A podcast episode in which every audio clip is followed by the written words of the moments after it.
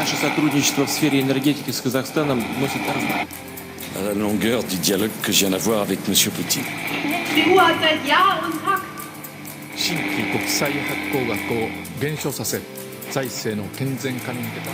Símbolo del fascismo en Sudamérica. मगर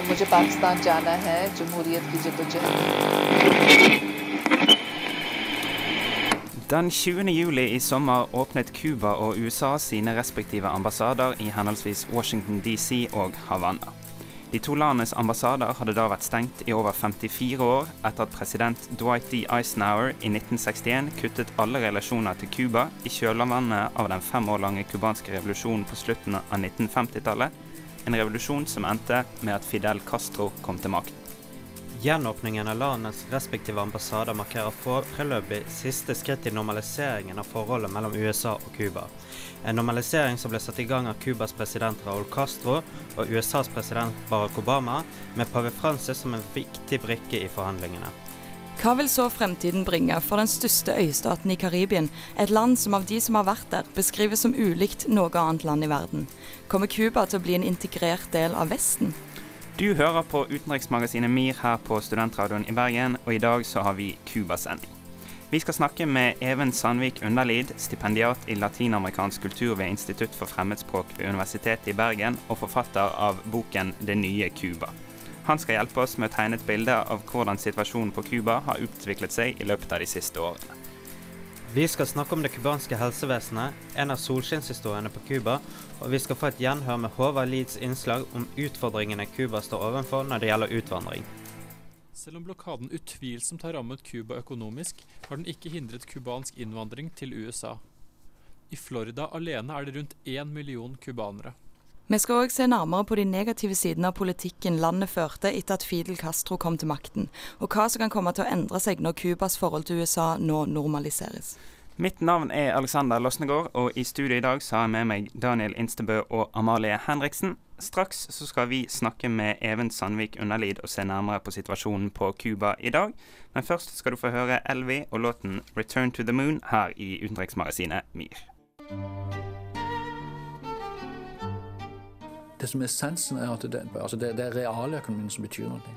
Det, det, det er ikke, og penger er bare en illusjon. Eh, altså det, det som virkelig skjer, det er at jeg er en professor i økonomi. Finn de gode poengene. Utenriksmagasinet MIR.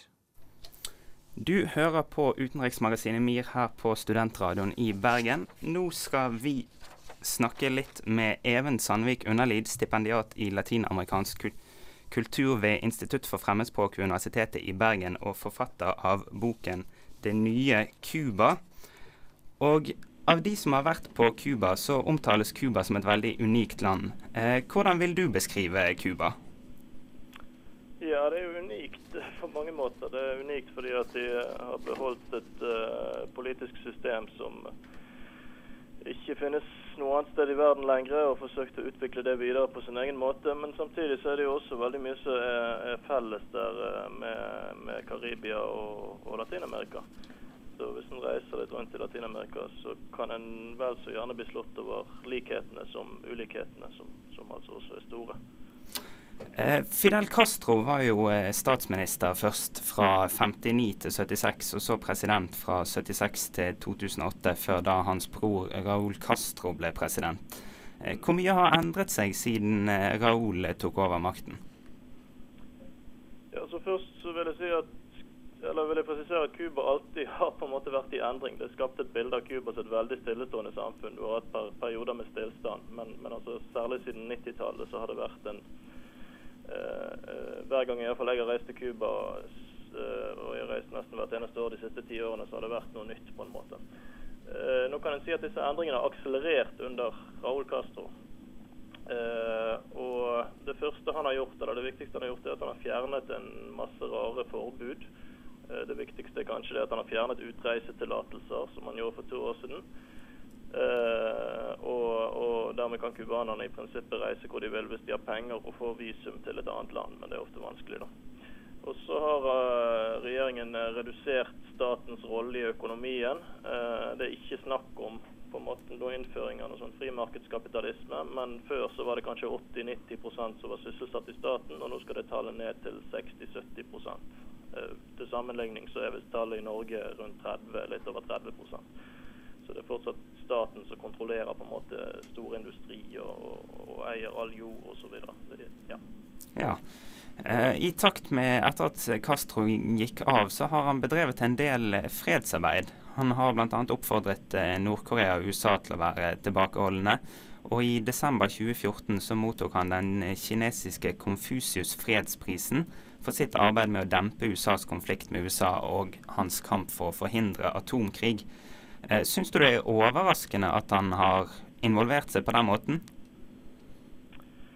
Fidel Castro har alltid vært eh, Under Fidel Castro så var Cuba et land på en måte som det har ofte blitt sagt at de bokset over sin vektklasse. Altså Det var et land med ganske få innebyggere. I dag har de 11 millioner innebyggere. Men som likevel har spilt en ganske stor rolle i storpolitikken. Og Nå er jo ikke Fidel Castro eh, statsleder lenger, men, men han har hatt denne kommentatorrollen. da. Han har sett mye, og han er, uavhengig av hva man måtte mene om han, så er han en, en veldig skarp observatør og har en viss evne til å uh, på en måte se litt fremover. da. Uh, så det er nærliggende, eller det, det er naturlig at han, han, prøver seg på å kommentere og, ting som skjer i verden, og, og, og, og øve innflytelse. Hva slags utvikling har Cuba mest behov for de neste årene? Vel, det vil jo finnes ulike meninger om, men en ting som er ganske akutt, er at du har en masse materielle problemer som er, eh, har eh, blitt akkumulert da, under uh, ja, 50 år med handelsblokade, men også fordi det er et tredje verdenland, og fordi at de til dels, eller på en del områder har hatt en feilslått økonomisk politikk. F.eks. på Cuba har alle bolig, men veldig mange boliger er i veldig dårlig stand. Særlig av vann er det et stort forfall. Internett er dårlig utbygd. Og på kort sikt noe med tilnærmingen til USA. Hvis det blir mer turisme fra USA, så vil de ha stor behov for å bygge ut infrastruktur og hoteller. Og så har det oppstått en del klasseskiller eh, under krisen da etter Sovjets fall, som rammet Cuba veldig hardt. Eh, og også som følge av turisme og, og fremveksten av en liten privat sektor. Og jeg tror at En del av systemets legitimitet hviler på at det skal være ganske små eh, skiller, sosiale skiller. Så Det blir også en utfordring å, å, å redusere eller å, i hvert fall kontrollere eh, eh, disse klasseskillene og holde på velferdsordninger og sånn. Ja, Hva ønsker vanlige cubanere seg av framtida? Ja, altså, Det blir litt som å spørre hva, hva ønsker nordmenn seg av fremtiden. For det at uh, Hvis du går ned nå til, ja, hvis du går ned til valgbodene, vil du se at uh, de som stemmer Frp, ønsker ikke det samme som de som stemmer Rødt eller De Grønne. Og på Cuba, selv om du har ett parti, så er det 11 millioner cubanere med, med, ulike syn. Jeg tror veldig mange, eller de fleste jeg kjenner, de er klart mest opptatt av de materielle spørsmålene. Sant? De har levd i veldig mange år uten at lønningene har vært mulig å leve for. Du har vært nødt til å naske litt på jobben eller ha en ekstra jobb. eller Eh, sånne ting. De har vært igjennom veldig mange år med krise. Og så ønsker de seg eh, endringer gjerne i både økonomi og i det politiske systemet, men jeg tror de fleste fortsatt ønsker gradvise og forsiktige endringer. Det er en del av befolkningen som ønsker seg et systemskifte, men det er ikke noen samlet opposisjon. Og opposisjonen har relativt lite troverdighet i folks øyne. Eh, så jeg tror at folk ønsker ja, mer enn Altså de ønsker å løse problemer mer enn en sånn, en revolusjon eller et dramatisk skifte. Ja. Eh, hvordan vil cubanere flest merke at forholdet til USA nå er i endring? Eh, vel, det aller første Det blir vel eh, Ja, det spørs jo litt, litt, hva som skjer fremover. Men antagelig blir den første effekten økonomisk.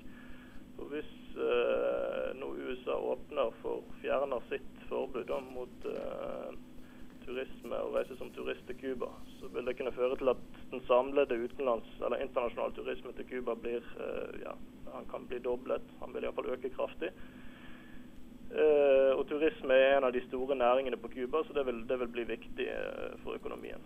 Samtidig så har Cuba en litt kritisk situasjon med at eh, Venezuela, som er deres nærmeste allierte, har en del eh, problemer, bl.a. pga. synkende oljepris. Og Cuba får billig olje derfra. Så hvis det skulle skje noe i eh, et regjeringsskifte eller lignende i Venezuela, eller en større krise, så vil det kunne annullere litt den oppturen da, som du kunne få som en konsekvens av tilnærmingen til USA. Og så tror jeg at Når det gjelder handelsblokaden som USA har mot Cuba, så vil den kunne ta eh, noe tid å fjerne. Eh, hvis den blir fjernet, så kan vi virkelig snakke om Da kan Cuba bli en noen som kalt det for en karibisk tiger. Altså De kan legge til iallfall en 2 eh, årlig eh, 2 prosentpoeng årlig i økonomisk vekst, og de har allerede ganske høy vekst nå. Men det er det da Kongressen i USA som bestemmer, og ikke Obama. Og, og det kan fortsatt ta noen år. Eh, til slutt, hvis du skulle komme med en fremtidsspådom, hvem tror du Cuba kommer til å orientere seg mot i tiårene og årene som kommer?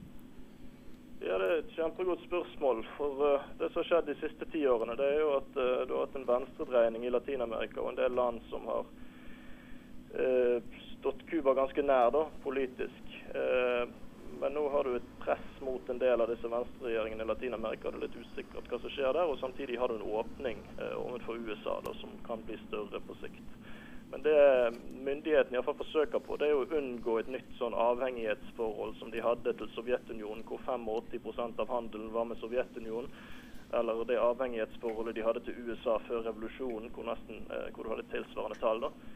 Uh, og, og, og, mer spre handelen og, og, ja, noe som gir større trygghet og, ja, og større uh, nasjonal uavhengighet òg.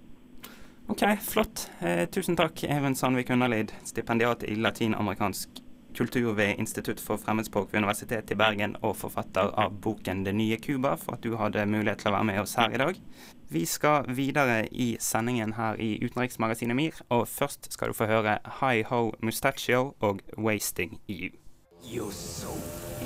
Det, det, er jo på vei utfor stupet. Det, det behøver du ikke være, være verken trollmann eller synsk eller astrofysiolog for å se.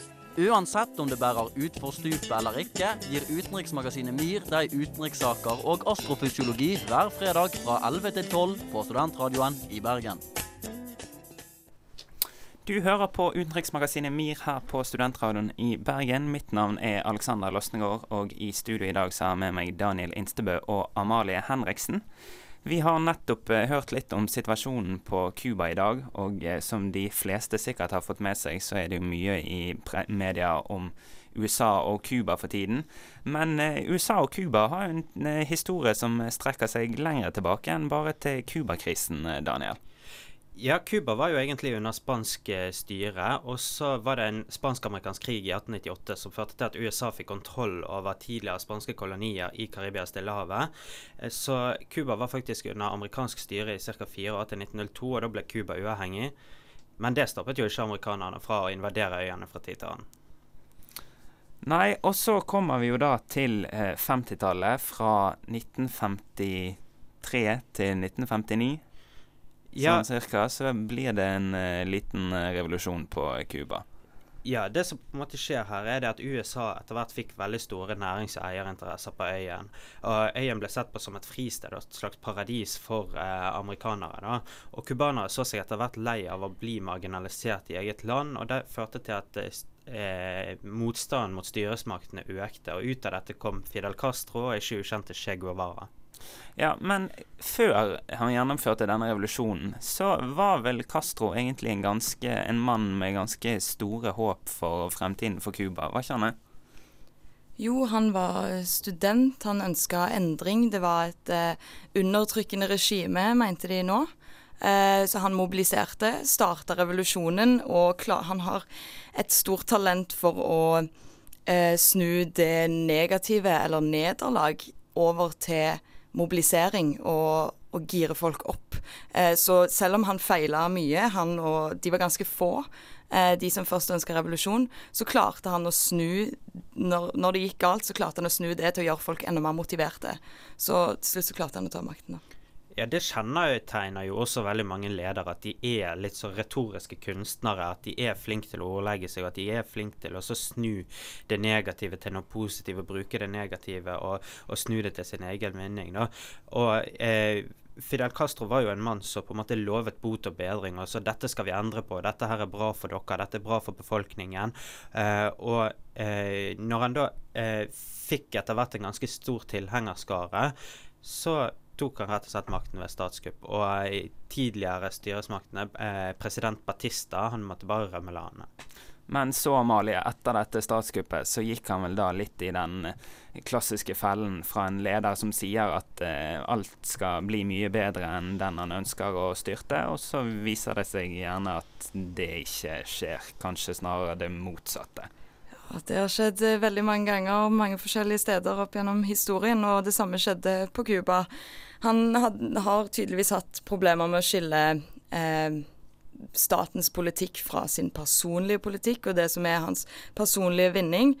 Eh, og har styrt befolkningen med jernhånd. Eh, han har vært eh, ja, en veldig streng leder. De har levd under mye lover og regler, mangel på ytringsfrihet. Det, de har blitt kritisert mye for, er mangel på menneskerettigheter og demokrati. Eh, han vinner jo gjerne valgene, han vant gjerne valgene, og det skjer fortsatt at presidenten på Cuba vinner valgene med 99 eh, Det vet jo de fleste at egentlig ikke er mulig. Eh, ja.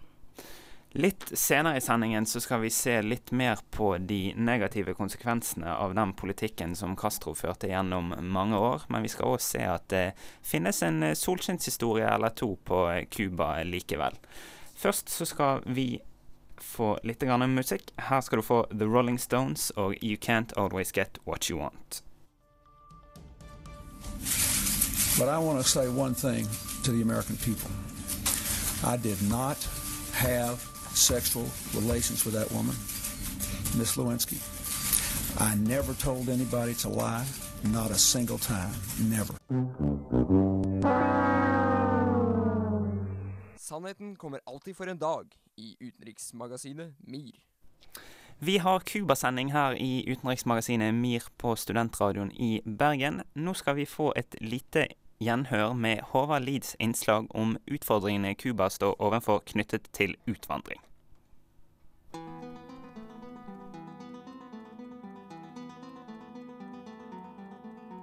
I 1960 oppretter USA en handelsblokade av Cuba. De forbyr all eksport til Cuba som følge av Castros revolusjon og nasjonaliseringen av amerikansk eiendom. Lille Cuba, som har valgt å alliere seg med Sovjetunionen, blir en viktig brikke i supermaktenes spill under den kalde krigen. Få dager har faren for tredje verdenskrig vært større enn i oktoberdagene i 1962, da Sovjetunionen plasserer missiler kun få mil unna USAs grenser. Selv om blokaden utvilsomt har rammet Cuba økonomisk, har den ikke hindret cubansk innvandring til USA. I Florida alene er det rundt én million cubanere. Man skulle tro at denne delen av befolkningen kjempet for lettelse av blokaden og mer handel med Cuba, men tvert om stemmer storparten konsekvent på den presidenten som kjører den hardeste linjen mot sitt gamle hjemland. Migrantene fra Cuba er i stor grad regimekritiske og støtter ikke Castros linje verken overfor USA eller sitt eget folk.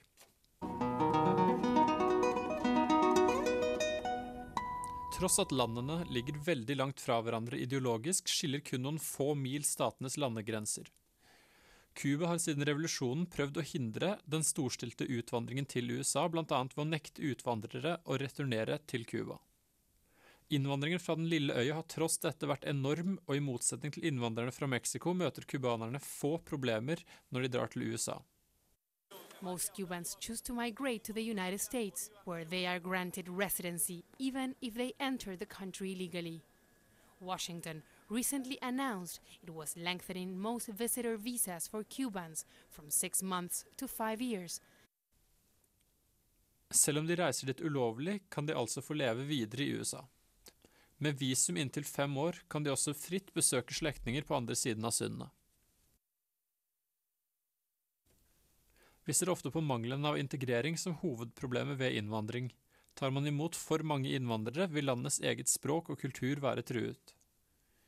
Det man ikke så ofte tenker på, er konsekvensene for landet innvandrerne reiser fra. Many of those leaving are young and educated, a problem for a government that is facing a demographic crisis, where fewer young people have to support a growing older population. Som Al Jazeera kan fortelle, er det ikke et snitt av befolkningen som drar, men ressurssterke, unge mennesker. Dette gjør at det blir færre hender igjen til å ta vare på den voksende andelen av eldre i landet. Den amerikanske drømmen lever også på Cuba, og de med mest ressurser stiller naturlig nok først i køen. Cuba er i ferd med å løse opp restriksjonene på reiser til USA, og landet håper fortsatt sterkt på en opphevelse av den langvarige blokaden. Ved å gjøre reiser lettere begge veier slipper Cubas befolkning å brenne broer for å besøke familier eller søke jobb i USA. De kan komme tilbake til hjemlandet sitt, noe som gir håp for at nye generasjoner ikke fortsetter hjerneflukten, men hjelper til å bygge landet ut av fattigdommen den dysfunksjonale sovjetiske økonomien skapte. Cuba har mange verdsatte eksportartikler og høy turisme, men de blir hemmet av at landets best egnede drømmer om et annet land. I dette tilfellet er det faktisk Cuba som taper mer på utvandringen enn USA gjør på innvandringen. Hva er hovedstaden i USA? Amerika? New York. Det er jo hovedstaden, er det ikke det? I USA. Det er helt feil. Det er ingen hovedstad i USA. Hvorfor ikke det? Fordi de har stater. forskjellige stater. Vil du lære mer om verden rundt deg? Hør på utenriksmagasinet MIR. Vi håper du svingte deg litt til cubanske uh, rytmer her når du hørte Compay Segundo med Guananay. Vi skal videre i vår Cuba-sending her i utenriksmagasinet MIR på Studentradioen i Bergen. Og eh, det har vært litt mye de negative sidene ved Cuba her eh, så langt. Men eh, det fins jo da faktisk noe som et ganske så sentralt verdensorgan har på Cuba Ikke et verdensorgan på Cuba, men eh, som et verdensorgan har omtalt som et eksempel for alle andre land. Hva tenker jeg på da, Daniel? Eh, det cubanske helsevesenet er jo et av verdens beste. Alle innbyggerne har eh, rett på gratis helsehjelp, og befolkningen er skånet for økonomiske bekymringer knyttet til helse. De har gratis tannhel eh, tannhelsetjenester. Eh, så eh, befolkningen er frisk og ved god helse der, og det er en, et, eksempel til etterfølgelse for resten av verden. Ja, WHO har skrøyta veldig mye over eh, helsesystemet, fordi det viser Når det er så bra, og de tilbyr eh, gratis eh, helsehjelp til alle innbyggerne, så sier det noe om eh, deres politiske vilje til å gjøre det. Fordi de mener at det er ikke kun altså, hvor ressurssterkt et land er som er avgjørende for uh, hvor bra helsesystemet er. Fordi Cuba har vist at de faktisk får det til med en vilje til å satse på dette. Uh, de gjør det annerledes enn flere andre og går fram som et godt eksempel med forebyggende medisin, og forhindrer at befolkningen i det hele tatt blir syke. Det er jo en taktisk genistrek å fokusere på gratis helsehjelp. Altså det, jeg tror det øker uh, lykke og velferd. Jeg tror det at hvis uh, man opplever at uh, sin egen familie får gratis helsehjelp, at det gjør at den sittende regjeringen eller makthaverne får flere tilhengere, og det kan pekes på mange solskinnshistorier. Og gode leger er jo heller ikke en direkte trussel til styresmaktene, så det er en slags vinn-vinn-situasjon for de som styrer Cuba. Ja, helse har jo vist seg å være veldig grunnleggende for at folk i det hele tatt skal ta utdanning, komme seg på jobb. Eh, det å satse på helse er en sinnssykt bra eh, prioritering av, av, ressurser, fordi det fører til at flere kan eh, bidra i samfunnet generelt i det lange løp. Og andre ting på Cuba som er verdt å trekke frem, er det at du har rett på et eh, sted å bo. Det er lite privat eiendomsrett på Cuba. Eh, det er gratis skole frem til universitetsnivå. Og man har rett på mat og, og arbeid. Så dette fjerner jo mange psykiske bekymringer, dette her. Eh, der eh, man i, det, i, et kapitalistisk samfunn kanskje har mange flere bekymringer, og der en stor del av det mannlige budsjettet går til å betale regninger og bare for å overleve, rett og slett. Så det virker som at uh, det cubanske livet, selv om de ikke er så veldig rike, så virker det relativt avslappet likevel. Og det er jo ikke bare på hjemmebane de er gode heller, Amalie. De har, leverer jo mye helsehjelp i resten av verden òg. Ja, de er gode på bistandsarbeid. De har vel rundt 30 000 leger eh, i utviklingsland som de har sendt ut for å drive utviklingsarbeid der. Eh, og det er jo utrolig å tenke på når de får såpass mye kritikk for eh, menneskerettsbrudd og hvordan de behandler sin egen befolkning, så er de veldig gode på, på bistandsarbeid i resten av verden. Men når Cuba er så god på dette med helsevesenet, hvorfor er de da så dårlig på en del andre områder? Eh, det kan hevdes at eh, når landet drives på den måten det gjør, så hindrer det en god og demokratisk intelligent eh, debatt. Da Castro kom til makten, så løvet han at alt skulle bli så mye bedre. Og på sett og vis så er det mye som har blitt bedre. Eh, men bakteppet er jo at opposisjonen eh, har blitt henrettet, grunnloven er endret, og ethvert tegn på mistillit mot makthaverne blir slått alvorlig ned på. Og det skaper jo også en viss, viss form for frykt. Ja, for altså, cubanerne sliter jo med grunnleggende ting som ytringsfrihet, blant annet. Altså ja, de fleste vil jo skylde dette på kommunismen. De har Noen deler av Cuba er fantastisk, og verden burde se på de som et eksempel. Men allikevel så er de eh, Det er en veldig streng, streng håndheving av, av lover. Veldig De har et sterkt grep om befolkningen, og befolkningen får rett og slett ikke gjøre som de vil. De blir veldig mye mer styrt av staten enn det vi er vant til i demokratiske land. Eh, de får ikke tilgang til internett. Eh, det er i hvert fall veldig vanskelig og veldig dyrt. Eh, og de, de har generelt vansker for å ytre seg, med mangel på ytringsfrihet. Og menneskerettigheter har de òg mangel på. Og da er det, det, er vel det som er skyggesidene med den cubanske staten. Og sånn som Underlig påpeker, da, så er jo også Cuba, eh, et land som på en måte forfaller veldig mye. da.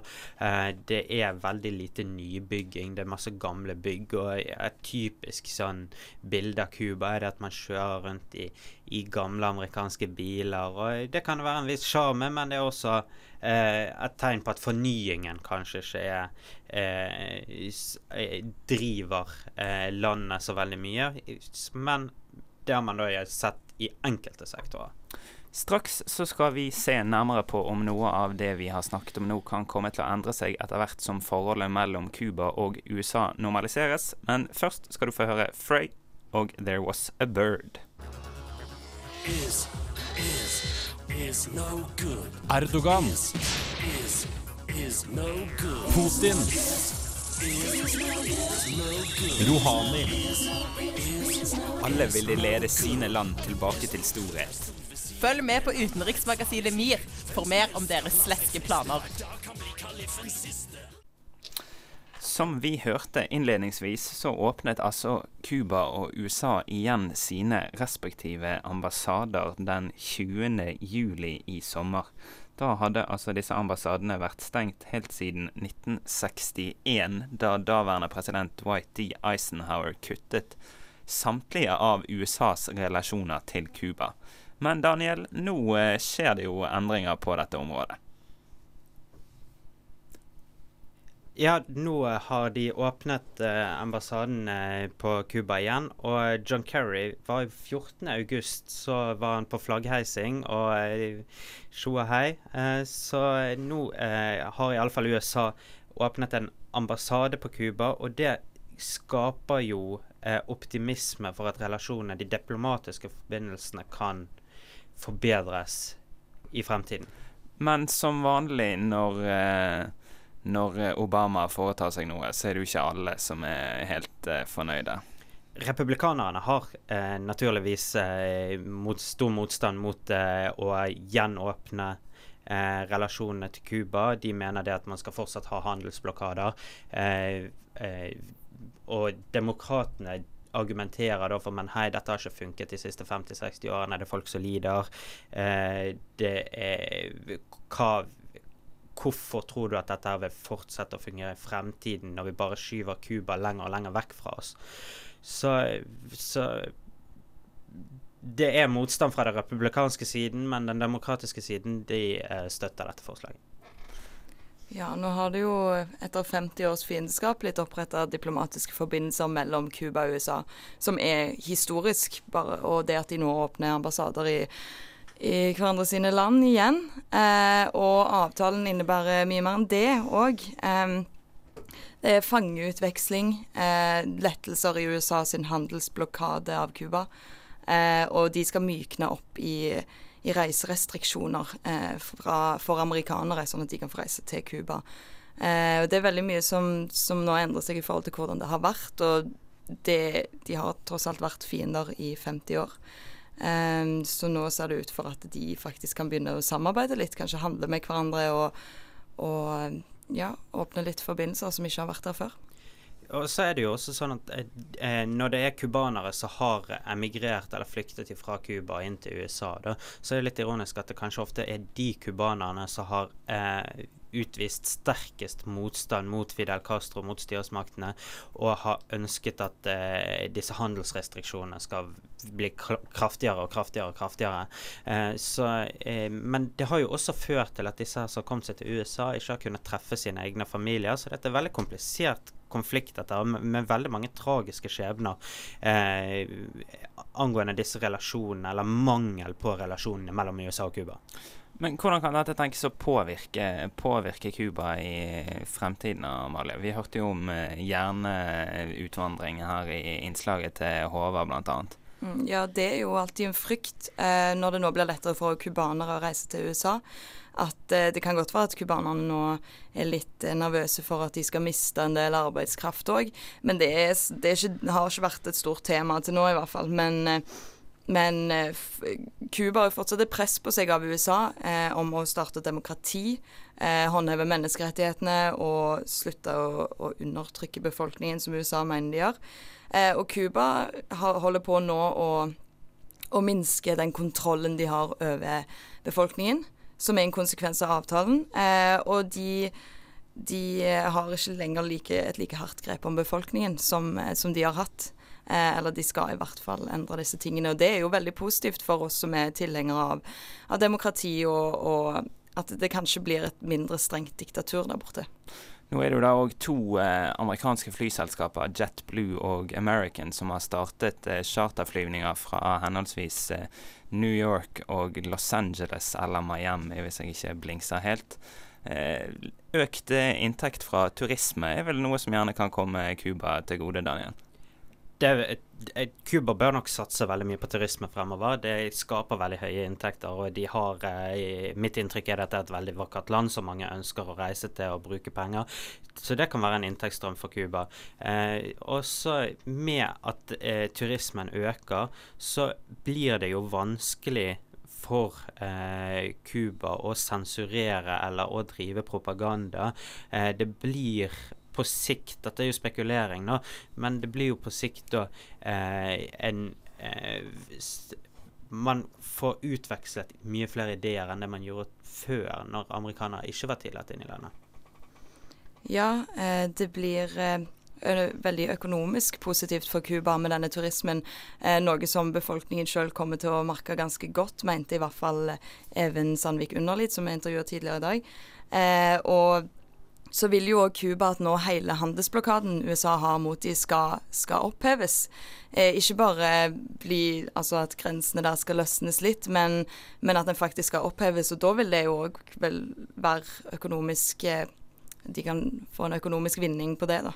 At de kan handle med USA så sa jo underlig det at de statlige eierskapene i diverse selskaper skal ned, og at det vil muligens bli eh, mulighet for eh, å kanskje eksportere, eller at andre selskaper etablerer seg på Cuba.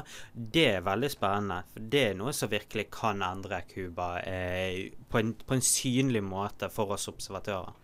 Ja, så er det positivt å se hvordan de nå får et bedre forhold. I hvert fall så, så er det det som er planen. Og de har allerede Cuba har sluppet fri en amerikaner som var fengsla for spionasje der. Amerikanere har sluppet fri, fri flere cubanere som var fengsla for det samme i USA.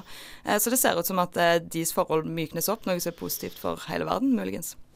Det blir veldig spennende å følge med på hva som skjer på Cuba fremover. Hvis du ikke danset da vi spilte litt cubanske uh, rytmer uh, tidligere her, så bør du i hvert fall ta oppfordringen fra bandet Walk the Moon. Her får du låten Shut Up and Dance.